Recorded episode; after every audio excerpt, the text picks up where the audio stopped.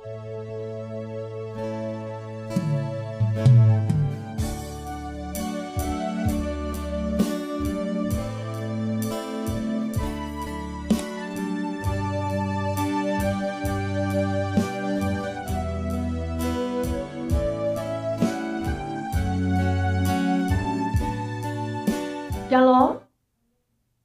Bapak, Ibu, Saudara-saudari yang terkasih di mana pun Anda berada.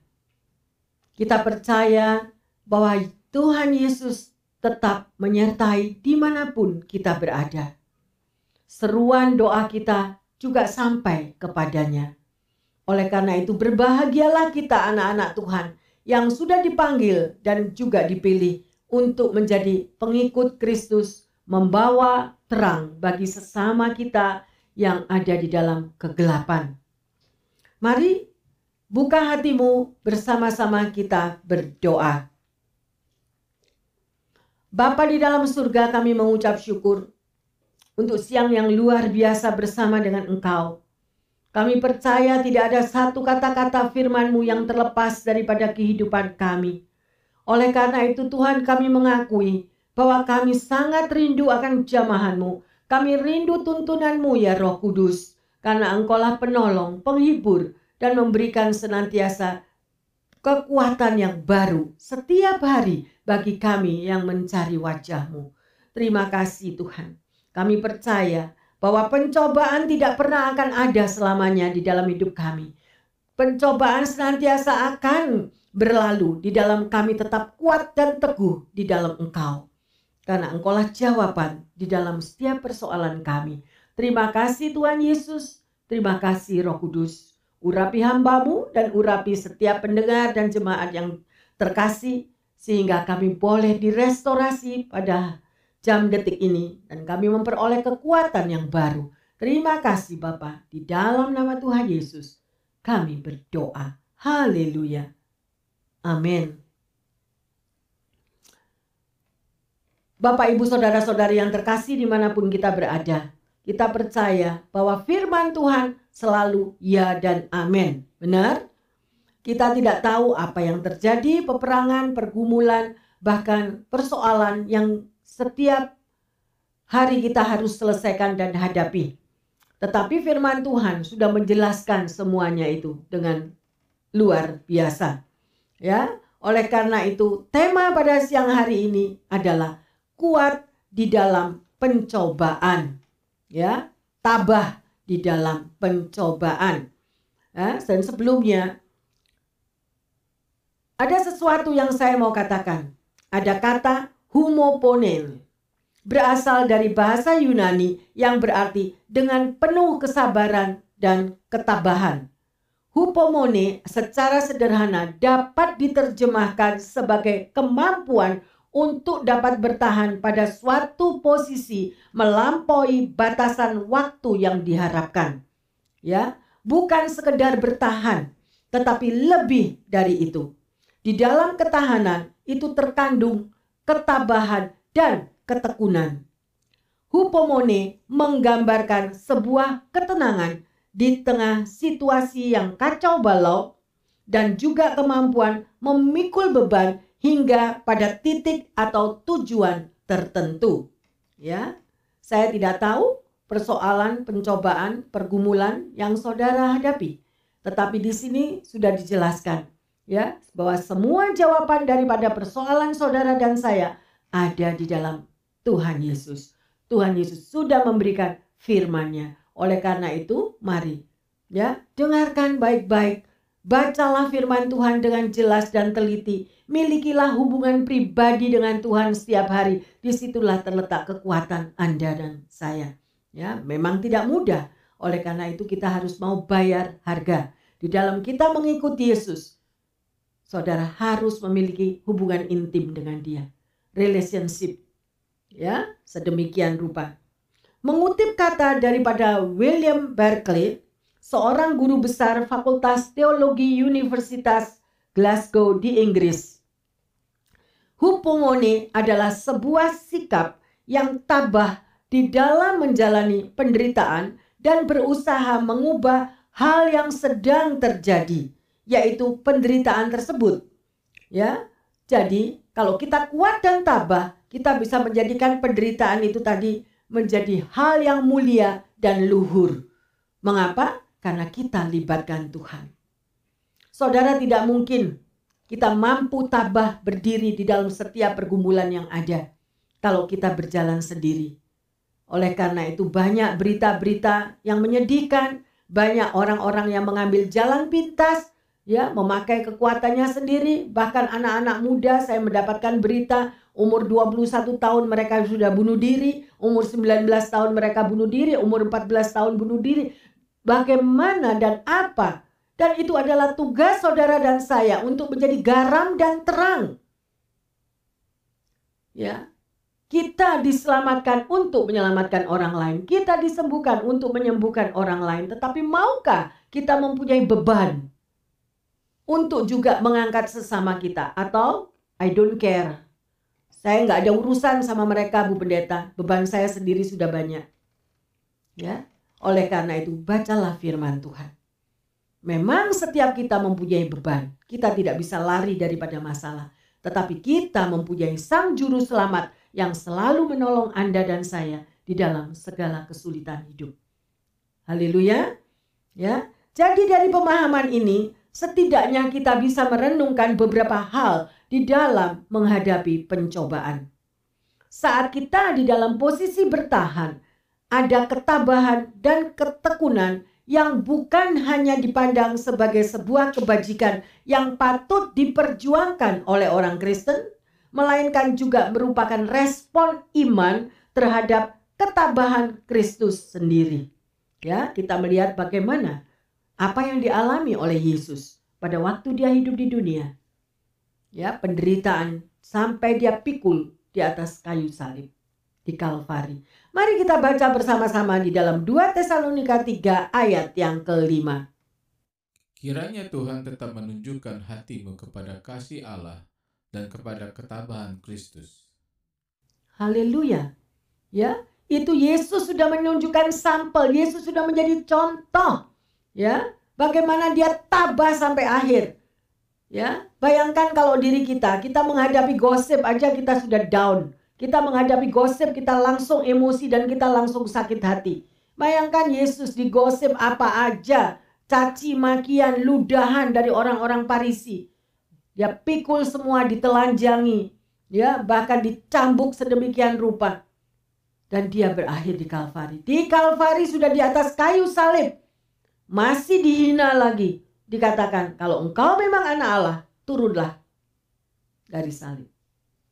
Ya, saya rasa tidak ada seorang pun yang menghadapi cacian sedemikian rupa.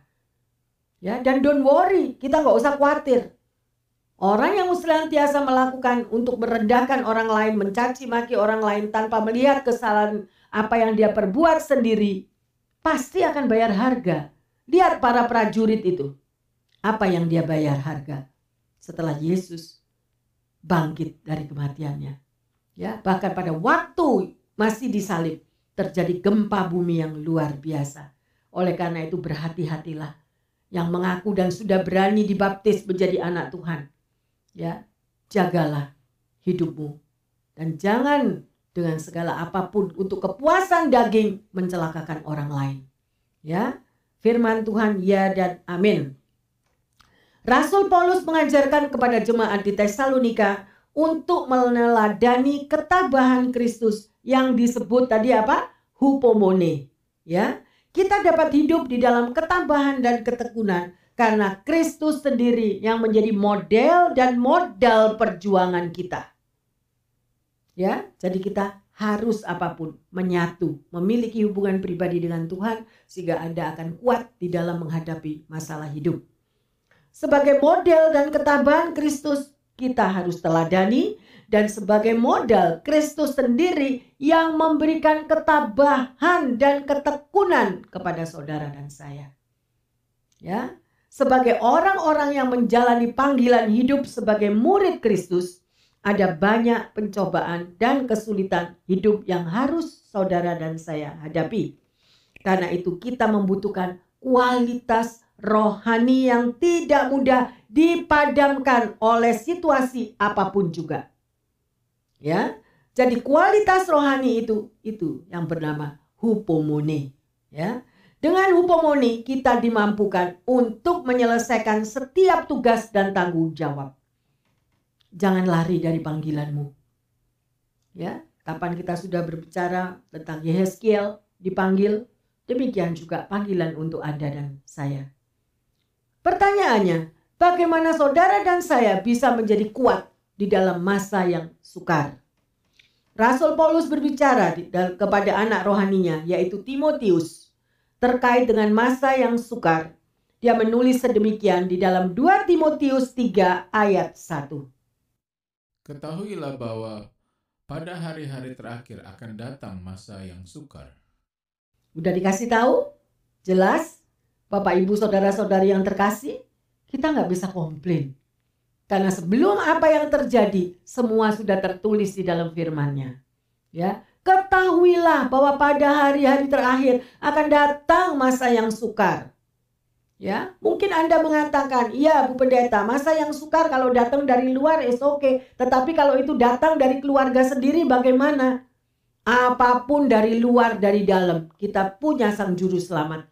Kalau kita memiliki hubungan intim dengan Tuhan, memiliki hubungan relationship dengan Tuhan, ya siapa yang berani berperang ganti kita? Kalau Tuhan Yesus ada di dalam diri setiap kita, amin. Ya, oleh karena itu libatkan Tuhan di dalam kehidupanmu. Setiap hari bacalah firman Tuhan sekali lagi. Ya. Jadi masa-masa ini ya sungguh-sungguh menjadi masa yang sulit dan berat bagi orang yang setia kepada Allah. Ya, hari-hari terakhir akan ditandai bertambahnya kejahatan di dunia. Runtuhnya standar moral, ya, sedemikian bertambahnya orang-orang yang murtad yang dahulu mencintai Tuhan dan berakhir mereka menjadi Yudas. Mengkhianati Tuhan itu ada di mana-mana dan jangan heran. Karena apa? Karena daya pikat dunia, karena daya tarik dunia. Oleh karena itu Yesus sekali lagi mengatakan, berhati-hatilah. Jangan kita menjadi sahabat dunia. Ya, karena apa pun yang kita tabur, kita meninggalkan sang juru selamat, keselamatan tidak ada lagi pada diri kita. Ya. Apa pun yang kita miliki, seluruh muka bumi ini menjadi milik kita. Tetapi kalau tidak ada Yesus di dalam hidup kita, kita akan melihat sudah banyak contoh yang berakhir dengan sia-sia segalanya. Ya, bagaimana Anda dan saya mampu untuk bertahan menjadi kuat di dalam masa yang sukar. Ya, ada beberapa jawaban berdasarkan dari Alkitab yang saudara dan saya pelajari ya untuk menjadi kuat di dalam masa-masa yang sukar. Yang pertama, tetaplah mempercayai Tuhan. Ya, Rasul Paulus menulis dalam suratnya kepada jemaat Tuhan di kota Korintus sedemikian. Pencobaan-pencobaan yang kamu alami adalah pencobaan yang biasa. Ya, ayo kita baca di dalam 1 Korintus 10 ayat 13. Pencobaan-pencobaan yang kamu alami ialah pencobaan-pencobaan biasa yang tidak melebihi kekuatan manusia. Sebab Allah setia dan karena itu ia tidak akan membiarkan kamu dicobai melampaui kekuatanmu. Pada waktu kamu dicobai, ia akan memberikan kepadamu jalan keluar sehingga kamu dapat menanggungnya. Haleluya. Rekam kata-kata ini di dalam hatimu. Pada waktu saudara dan saya menghadapi cobaan, kalau kita memiliki hubungan pribadi dengan Tuhan, pasti Tuhan memberikan jalan keluar. Kita sudah tahu, ya, betapa banyak orang famous, betapa banyak miliarder, betapa banyak anak-anak muda yang mengambil jalan pintas sendiri. Kenapa? Sekalipun famous, sekalipun mereka memiliki segala harta dunia, mereka tidak akan tetap mengalami kebahagiaan. Mereka tidak bahagia. Kenapa? Karena tidak ada sang damai sejahtera itu, yaitu Yesus Kristus. Mungkin Anda hidup pas-pasan, tetapi kalau Anda memiliki Tuhan Yesus sebagai juru selamat dan selalu ada di dalam hatimu, ada di dalam hidupmu, engkau akan mengalami damai sejahtera. Dan itu tidak bisa dibeli dengan uang. Amin. Tidak bisa dibayar dengan segala apa pun. Sekalipun Anda mau jadi orang terkenal, menjadi orang famous, tidak menjadi jaminan. Oleh karena itu, firman Tuhan sudah mengatakan, jangan menjadi sahabat dengan dunia. Why? Sahabat dengan dunia, hidupnya mau dilihat orang lain, prestis, hidupnya glamor, hidupnya mewah, terpandang. Ya, teman-teman semuanya menyanjung. Tapi lihatlah, berakhir dengan sia-sia. Oleh karena itu, saudara bisa memilih jalan yang lebar, yaitu duniawi, dan jalan yang sempit menuju kepada Tuhan Yesus, surga yang kekal. Pilihan ada dalam tangan Anda dan saya. Oleh karena itu, berhati-hatilah. Bukan berarti saudara nggak boleh famous, bukan berarti Anda nggak boleh glamor, boleh apa pun yang Anda mau. Tetapi nomor satu, glamor untuk Tuhan Yesus. Famous untuk Tuhan Yesus. Amin. Jangan merendahkan orang lain. Ya, kenapa sih orang kok suka gosipin orang lain atau suka hidup prestis yang sedemikian untuk menunjukkan kepada orang lain bahwa dia lebih dari orang itu. Amin. Tapi itu bukan untuk anak Tuhan. Anak Tuhan famous Famouslah melalui firman Tuhan. Hidup dengan penuh rendah hati, tidak ada kesombongan. Dan selalu menjadi berkat, menjadi terang, selalu mengulurkan tangan kepada sesama orang yang membutuhkannya. Itulah orang yang dicari oleh Tuhan. Amin. Haleluya. Jadi ada intervensi Allah. Ada campur tangan campur tangan daripada Tuhan pada masa yang sukar itu bentuknya dari intervensi daripada Tuhan, yaitu Dia memberikan jalan keluar di dalam segala masalah apa yang engkau dan saya hadapi. Ingat firman Tuhan yang mengatakan, Tuhan memberikan waktu yang indah ya kepada Anda dan saya tepat pada waktunya, bukan waktuku. Ya. Dia berikan waktu yang indah pada waktunya. Ya, akan terjadi itu. Oleh karena itu, mengucap syukurlah di dalam segala situasi yang saudara dan saya hadapi. Ya. Jadi sekali lagi, bentuk daripada campur tangan daripada Tuhan, yaitu Dia memberikan jalan keluar bagi orang yang dikasihinya, sehingga Anda dan saya mampu menahan segala tekanan yang Anda alami, ya, masa sukar. Ya. Selalu ada jalan keluar kalau Anda dan saya melibatkan Tuhan. Yang kedua, mempercayakan diri di dalam pemeliharaan Allah. Nah, sekarang saudara percaya enggak? Atau saudara hanya percaya kepada duitmu? Bapak, Ibu, saudara-saudari yang terkasih? Ya, biasanya orang kalau dulunya zero, pada waktu dia sekarang mulai memegang jabatan atau memiliki merasa memiliki pekerjaan yang baik apa pun, mereka menjadi lupa diri. Tidak semua, tetapi ada orang-orang yang sedemikian. Ya, tetapi saya mengingatkan, berhati-hatilah. Tetap sampai pada akhir hidup kita, kita butuh Tuhan. Ya, dan banyak contoh orang yang meninggalkan Tuhan, bayar harganya bagaimana, ya. Di sini kita melihat mempercayakan diri di dalam pemeliharaan Allah. Penulis di dalam kitab Mazmur terkait dengan mempercayakan diri kepada pemeliharaan Allah menulis dalam Mazmurnya. Tuhan menetapkan langkah-langkah hidup saudara dan saya. Ayo mari kita baca di dalam Mazmur 37 ayat 23 dan 24. Tuhan menetapkan langkah-langkah orang yang hidupnya berkenan kepadanya. Apabila ia jatuh, tidaklah sampai tergeletak, sebab Tuhan menopang tangannya. Apakah Anda merekam kata-kata ini? Apakah Anda mau tulis kata-kata ini misalnya di sebelah tempat tidur Anda? Ya, pada waktu Anda down Anda bisa baca lagi. Tuhan menetapkan langkah-langkah orang yang hidupnya berkenan. Pertanyaannya, apakah hidup saudara dan saya berkenan kepadanya? Apakah hidup kita ini senantiasa memiliki hubungan pribadi, mengasihi Tuhan sungguh-sungguh? Ya. Ingatlah, tidak ada seorang pun yang tidak melewati cobaan. Jangan merasa sombong. Oh, aku tidak pernah dicobai. Oh, aku tidak pernah jatuh dalam kesulitan. Oh, aku tidak pernah sakit. Oh, aku tidak pernah kekurangan. Wait. Ya.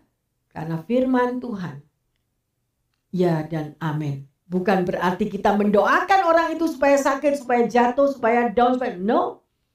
Karena setiap daripada kita tidak luput dari segala persoalan hidup. Benar atau benar?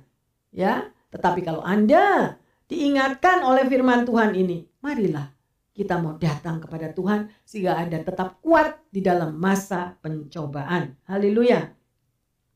Ya, sedemikian rupa. Bukan berarti firman Tuhan ini kalau Anda sudah di dalam Tuhan, Anda bebas dari pencobaan. Kalau Anda sudah menjadi milik Kristus, Anda bebas lepas dari masa yang sukar. Tidak. Ya, kita senantiasa mengalami ujian iman. Ya, kita bisa saja gagal, kita bisa saja jatuh, kita bisa juga mengalami hal-hal yang buruk dalam kehidupan kita. Tetapi kalau Tuhan beserta Anda dan saya, percayalah dia akan memberikan jalan keluar seperti yang tadi dikatakan. Ada waktu di mana kita terpuruk, tetapi ada kabar yang baik, yaitu bahwa Tuhan Yesus selalu bersama Anda dan saya. Tidak membiarkan kita sampai jatuh tergeletak.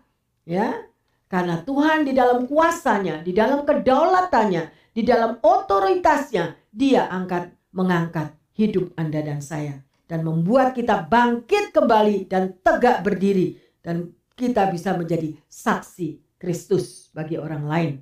Oleh karena itu, apabila kita tiba di masa yang sukar, tetaplah mempercayakan diri kepada pemeliharaan Tuhan yang amat sempurna ya sehingga kita tetap kuat di dalam masa-masa yang sukar.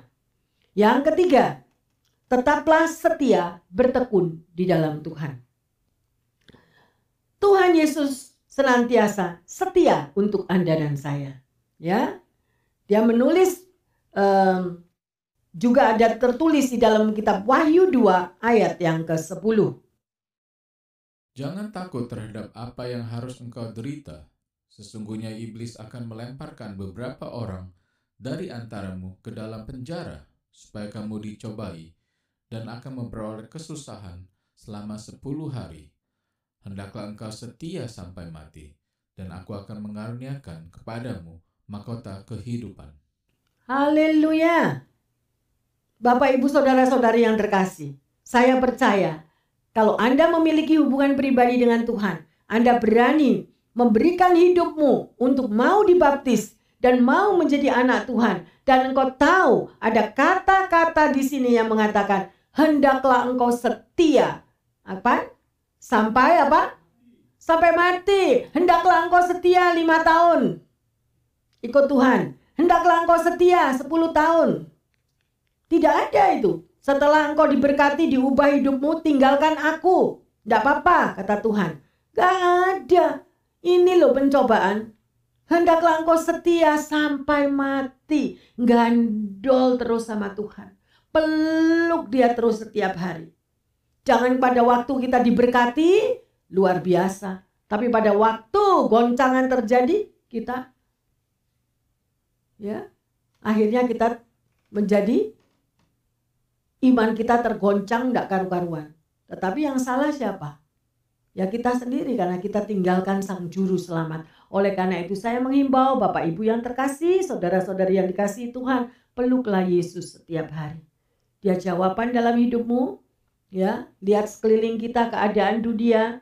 Ya saudara sudah mendengar kalau anda rajin membaca firman Tuhan dikatakan berawas-awaslah.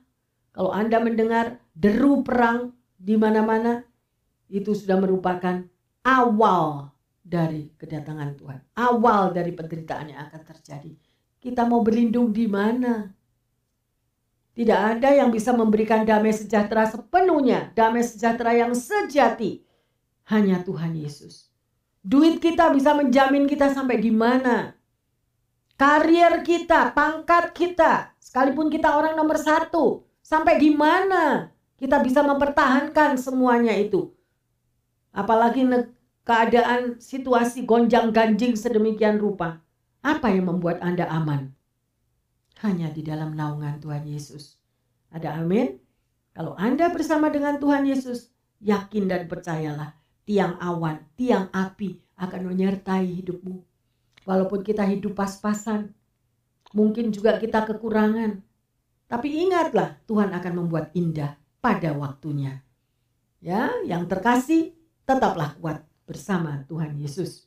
Ya, setia sampai mati dan apa? Tuhan akan mengaruniakan mahkota kehidupan.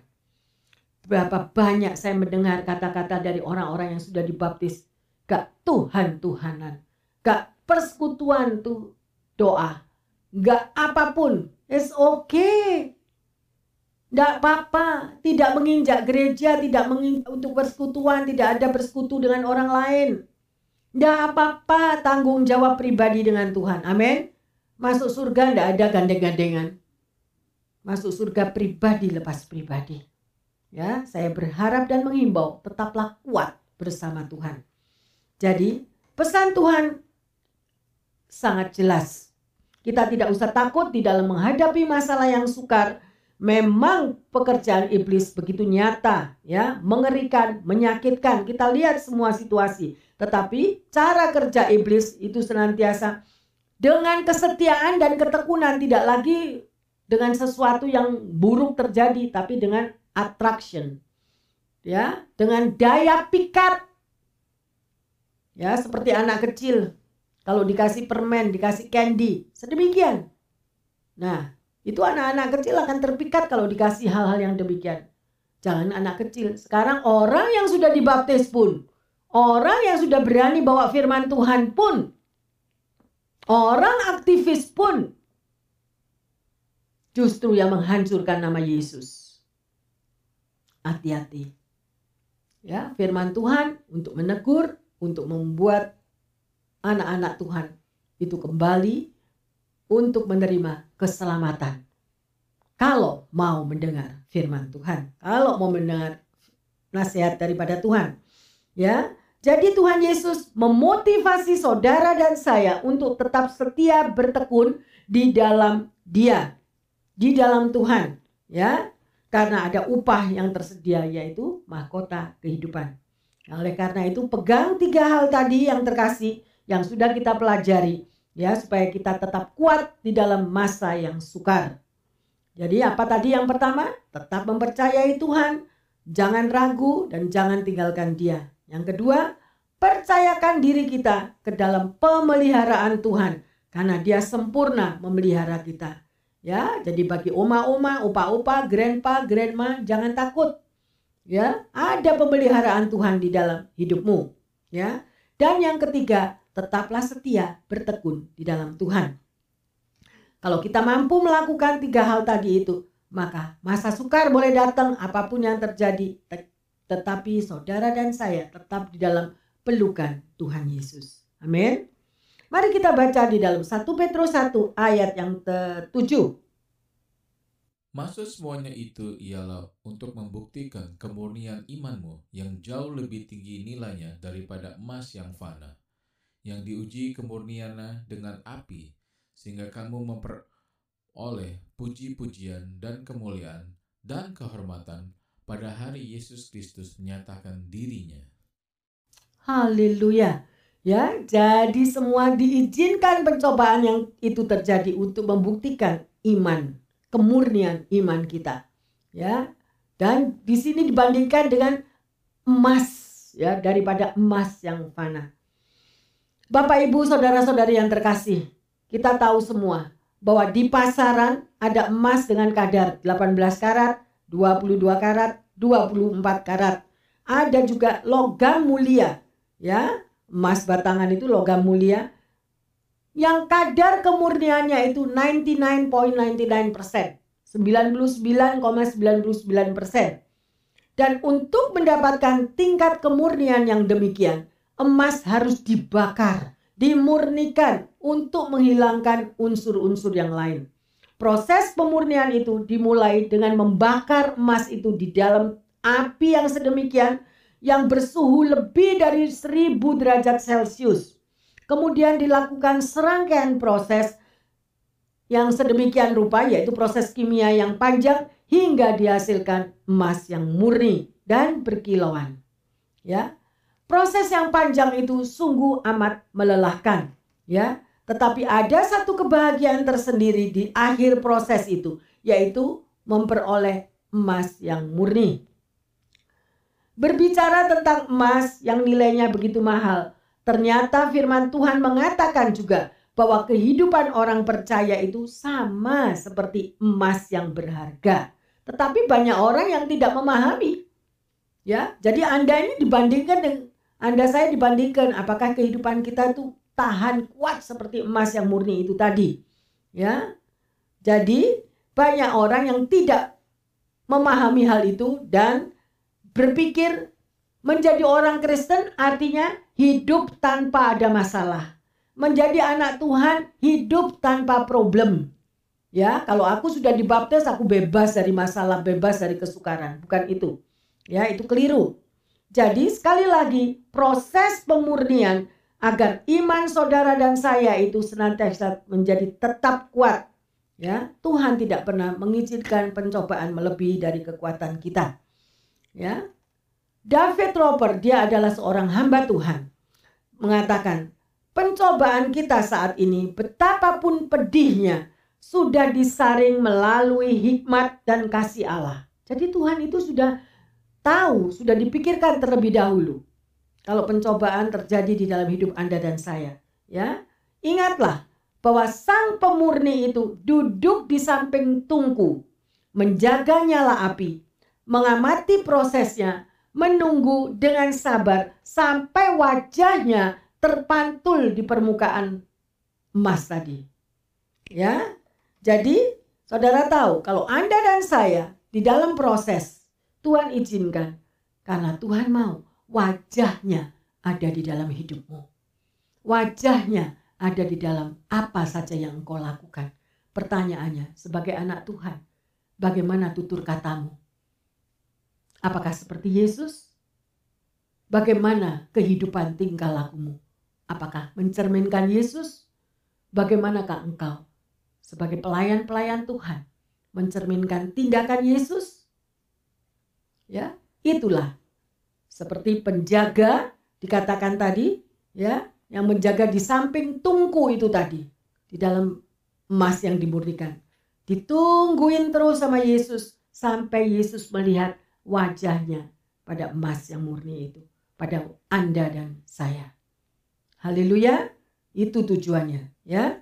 Jadi sekali lagi, pernahkah saudara dan saya merasakan bahwa proses daripada pemurnian itu yang Anda alami, apakah kita menjadi capek, komplain, rasanya mau lari, tidak kuat di dalam menghadapi hidup ini?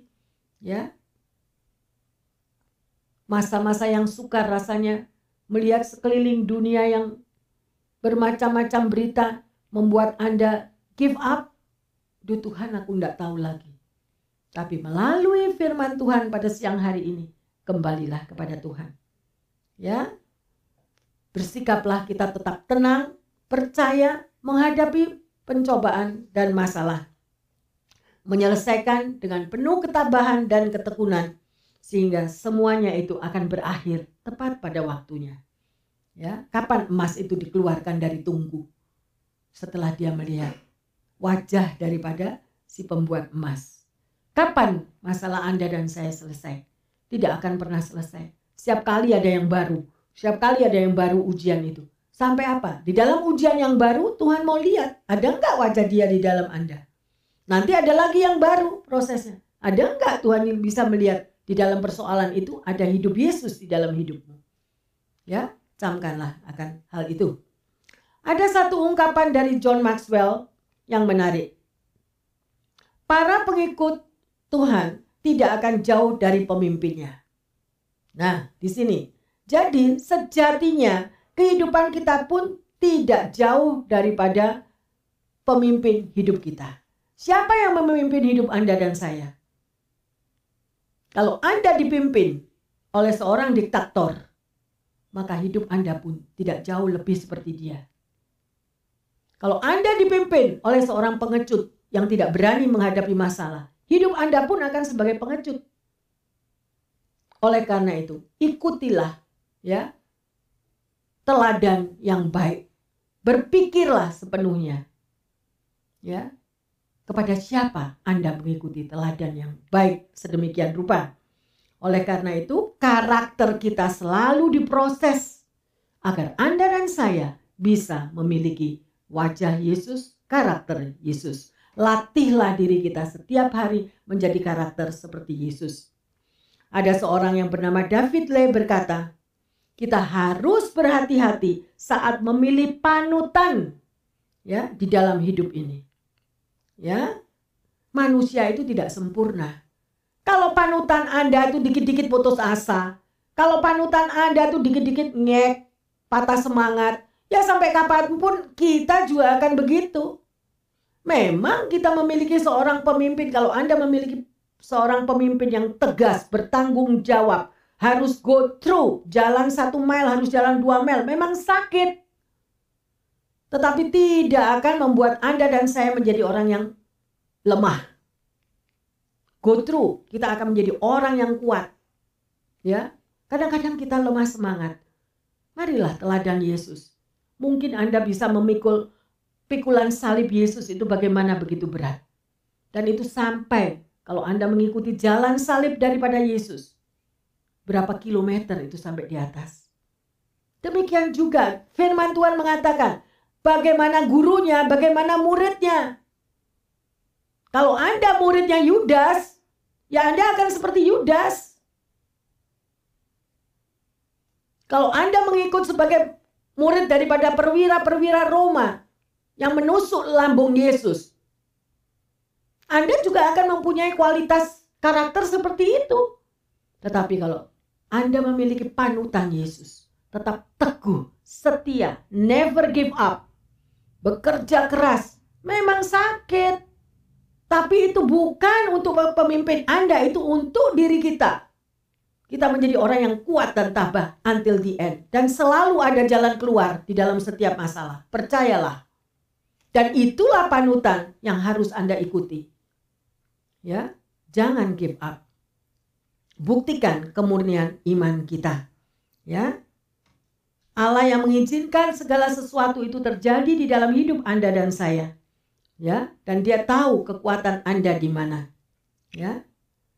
Sekali lagi saya mau katakan Bapak Ibu saudara-saudari yang terkasih jika kita berhadapan dengan penderitaan dan kesusahan bukan artinya Tuhan tidak ada.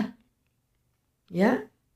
Tuhan tidak berdiam diri tetapi Tuhan mengizinkan hal itu terjadi sampai batas tertentu di mana Tuhan bisa melihat wajahnya di dalam keadaan hidupmu.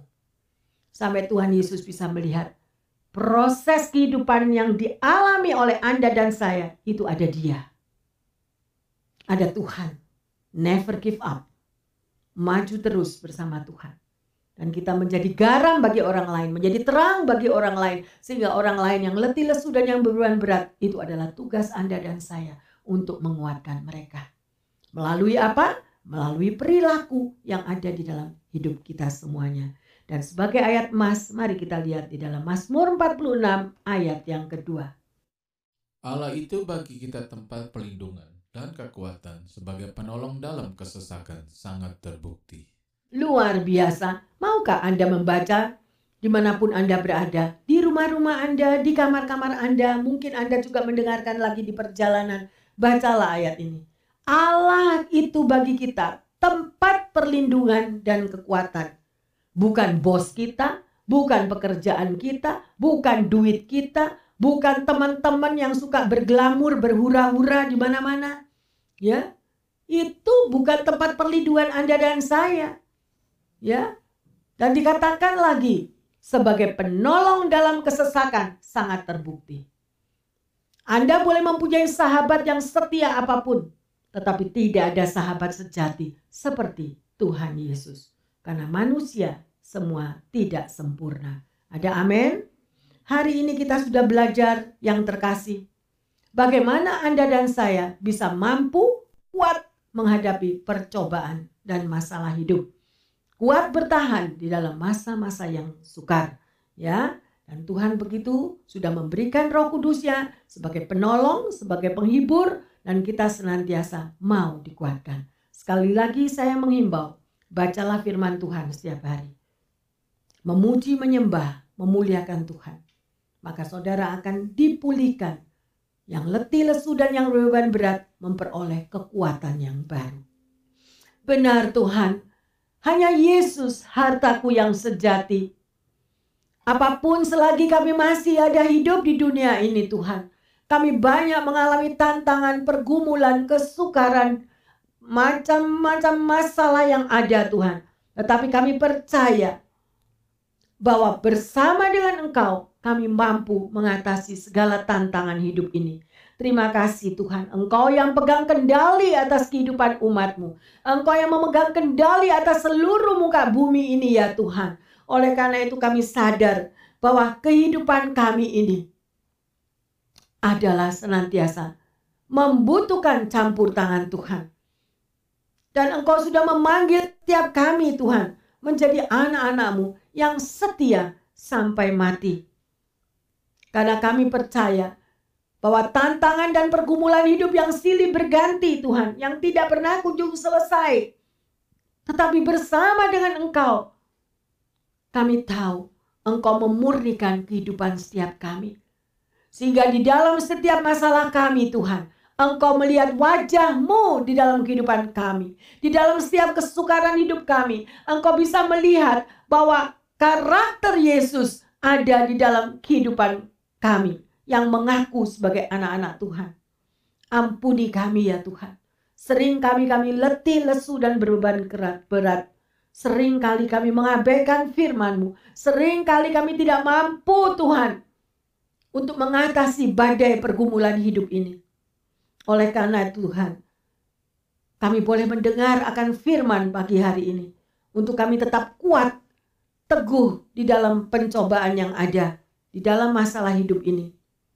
Dan kami percaya Engkau ada bersama dengan kami. Dan rohmu yang maha dahsyat ada di dalam setiap kehidupan kami. Sehingga kami mampu menghadapi dan menyelesaikan sampai akhirnya. Terima kasih Bapak.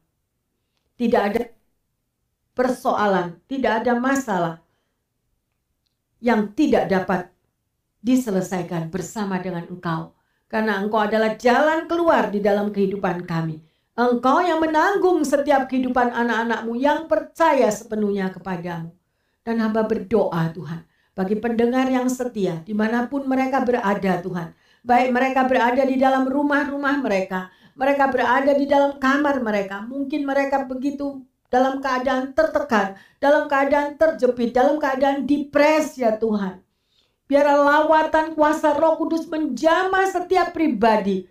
Memberikan kekuatan, memberikan penghiburan, memberikan kesabaran Tuhan. Tanganmu yang berlubang paku, engkau ulurkan kepada mereka. Bahwa selalu ada jalan keluar di dalam nama Yesus. Yang sakit engkau sembuhkan, yang patah semangat, bahkan yang putus asa ya Tuhan. Engkau tidak akan membiarkan mereka sendiri Terima kasih Tuhan Yesus. Berkati mereka agar mereka mampu melakukan tugasnya sampai akhir. Tetap setia sampai akhir hidup mereka. Mereka tetap mengagungkan Engkau. Mereka tetap bersyukur dan bersyukur bahwa di dalam kelemahan setiap kita terletak kekuatan Tuhan yang maha dahsyat. Terima kasih Tuhan Yesus. Kami mau wajahmu, karaktermu ada di dalam karakter setiap anak-anak Tuhan. Karaktermu, kehidupanmu, setia sampai mati ada di dalam wajah anak-anak Tuhan. Terima kasih Bapak. Kami percaya bahwa tidak ada masalah yang tidak dapat terselesaikan. Karena Engkau adalah jawaban dari setiap kehidupan kami. Terima kasih Tuhan Yesus untuk waktu yang indah kami boleh dipulihkan, kami boleh disegarkan. Firmanmu menjadi kekuatan yang baru. Kami direstorasi ya Tuhan saat ini. Kami mau kembali Tuhan. Peluk setiap kami Tuhan. Peluk setiap kami. Engkau melihat tetesan air mata kami. Engkau tahu semua kehancuran hati anak-anakmu. Jamah kami semua Tuhan. Bawa kami semua kembali di dalam pelukanmu. Terima kasih Tuhan untuk kekuatan yang baru, untuk kedamaian, sukacita, penghiburan, firman-Mu sungguh menjadi berkat bagi kami semuanya. Di dalam nama Tuhan Yesus, hamba berdoa dan mengucap syukur. Haleluya. Amin. Bapak Ibu yang terkasih, saudara-saudari di mana pun Anda berada, percayalah apa pun pencobaan persoalan, kesulitan yang Anda dan saya hadapi, semuanya itu tidak akan berlangsung lama. Tuhan akan membuat indah pada waktunya. Selamat menikmati waktu yang indah bersama dengan Tuhan Yesus. Haleluya. Amin.